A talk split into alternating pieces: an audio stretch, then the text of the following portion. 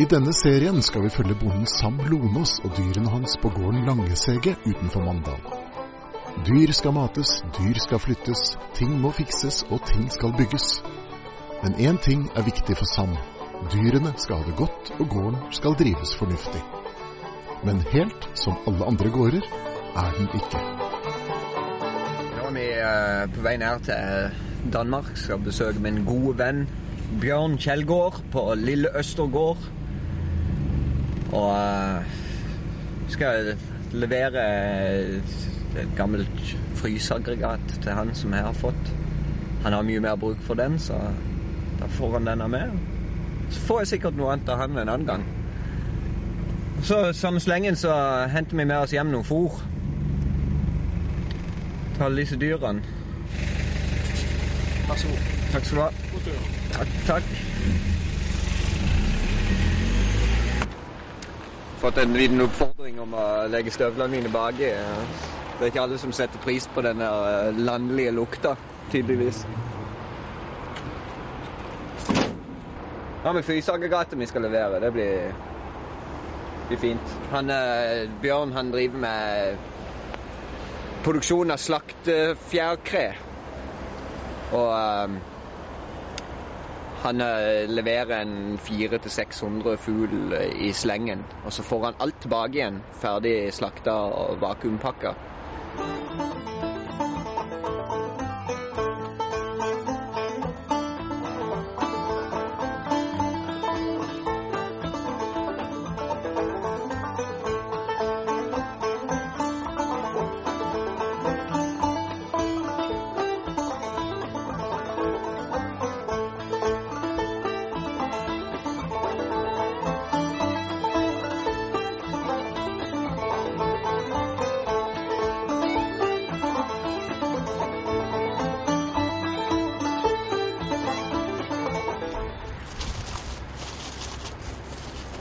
Nå har vi kommet fram på Lille Østergård.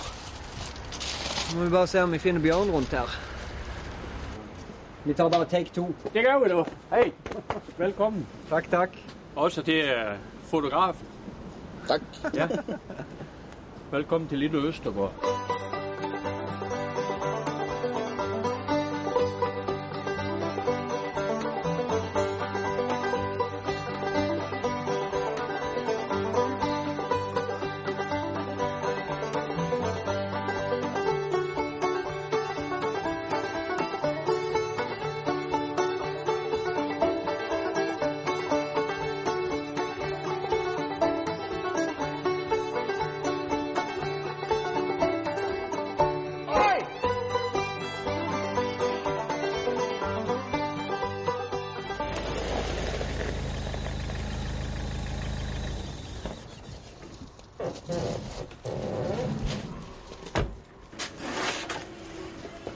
Vi kan bare her.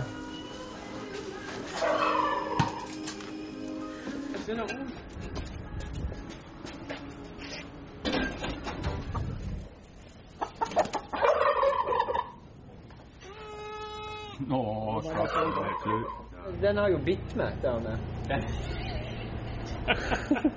De biter. Men de smager godt. Ja, ja, for da får du bitt igjen, så da er det greit. Sådan røge hestekød, det er, det er fantastisk godt. ja. Høylandsveiene mine biter ikke. De er vegetar vegetarianere.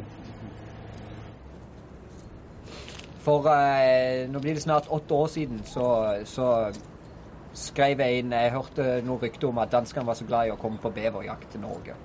Og bever er en ting vi har masse av i Norge. Så da skrev jeg på et eh, dansk jaktforum om at jeg ønska å bytte jakt med noen i Danmark. Og jeg fikk da flere henvendelser tilbake igjen. Eh, og så valgte jeg bare den som var nærmest. Så skulle jeg ned her først på, på bukkjakt. Og Anette kjørte meg til ferja. Og så når jeg var, holdt på å si ha det til henne, og sånn, så sa hun jeg kan ikke forstå hvordan du kan klare å reise ned til noen fremmede folk som du aldri har truffet før, helt alene. Og det hadde jeg faktisk ikke tenkt på før. Så jeg satt jo hele turen sånn nedover og så tenkte hvordan skal dette gå? Hvordan er dette her? Og hvem skal jeg treffe nå? Men da kom jeg jo i land og gikk av båten, og så sto jo Bjørn og lente opp etter en vegg der. og Så var det bare full klaff med en gang. Vi, var, vi var jo, hadde en veldig hyggelig tone helt fra starten.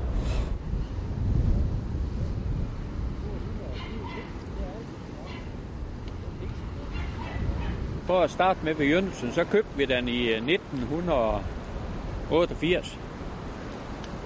Uh, og der var det 88. 88. Der var de, eh, der var eh, gan- Ja, de nye hønsene som vi kjøpte her i forrige uke, de har nå vært her i ei uke. Og uh, ser ut til å stortrives. De legger litt egg. Um, jeg mistenker kanskje det er at det er hakket for mørkt her inne. Uh, Så derfor har de nedsatt eggproduksjonen i tillegg til stresset med flytting og alt mulig sånn noe.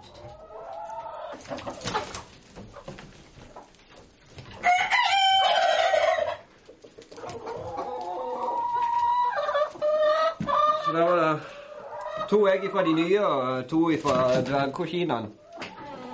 Så regner jeg med at i løpet av dagen så kommer det et par egg til her inne. Da var det et egg foreløpig.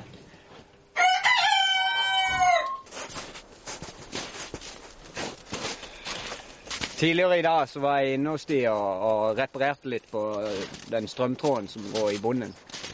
For med all den snøen som var, så hadde det bygd seg opp over tråden. Og øh, nå når det ble mildt og snøen ble tung, så hadde jeg pressa nedpå, så hadde jeg knekket noen av, disse øh, utstikkerne. Jo, det, det er jo to, to kalkunhanner i den ene innhegninga her.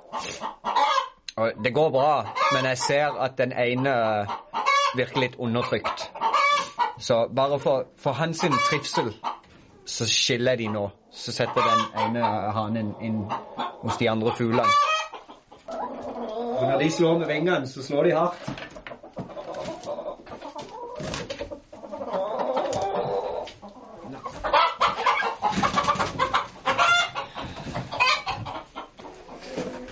Se på De heter bronsekalkuner, og det kan en se på det der skinnet i fjærdrakta her. Det skinner sånn bronsefarge. Og her på hodet så har du den der pilten der. Nå er den helt innskrumpa. Men når han strekker den ut, så henger den helt her nede. Og han kan gjøre hodet blått, helt sånn knallblått til ildrødt.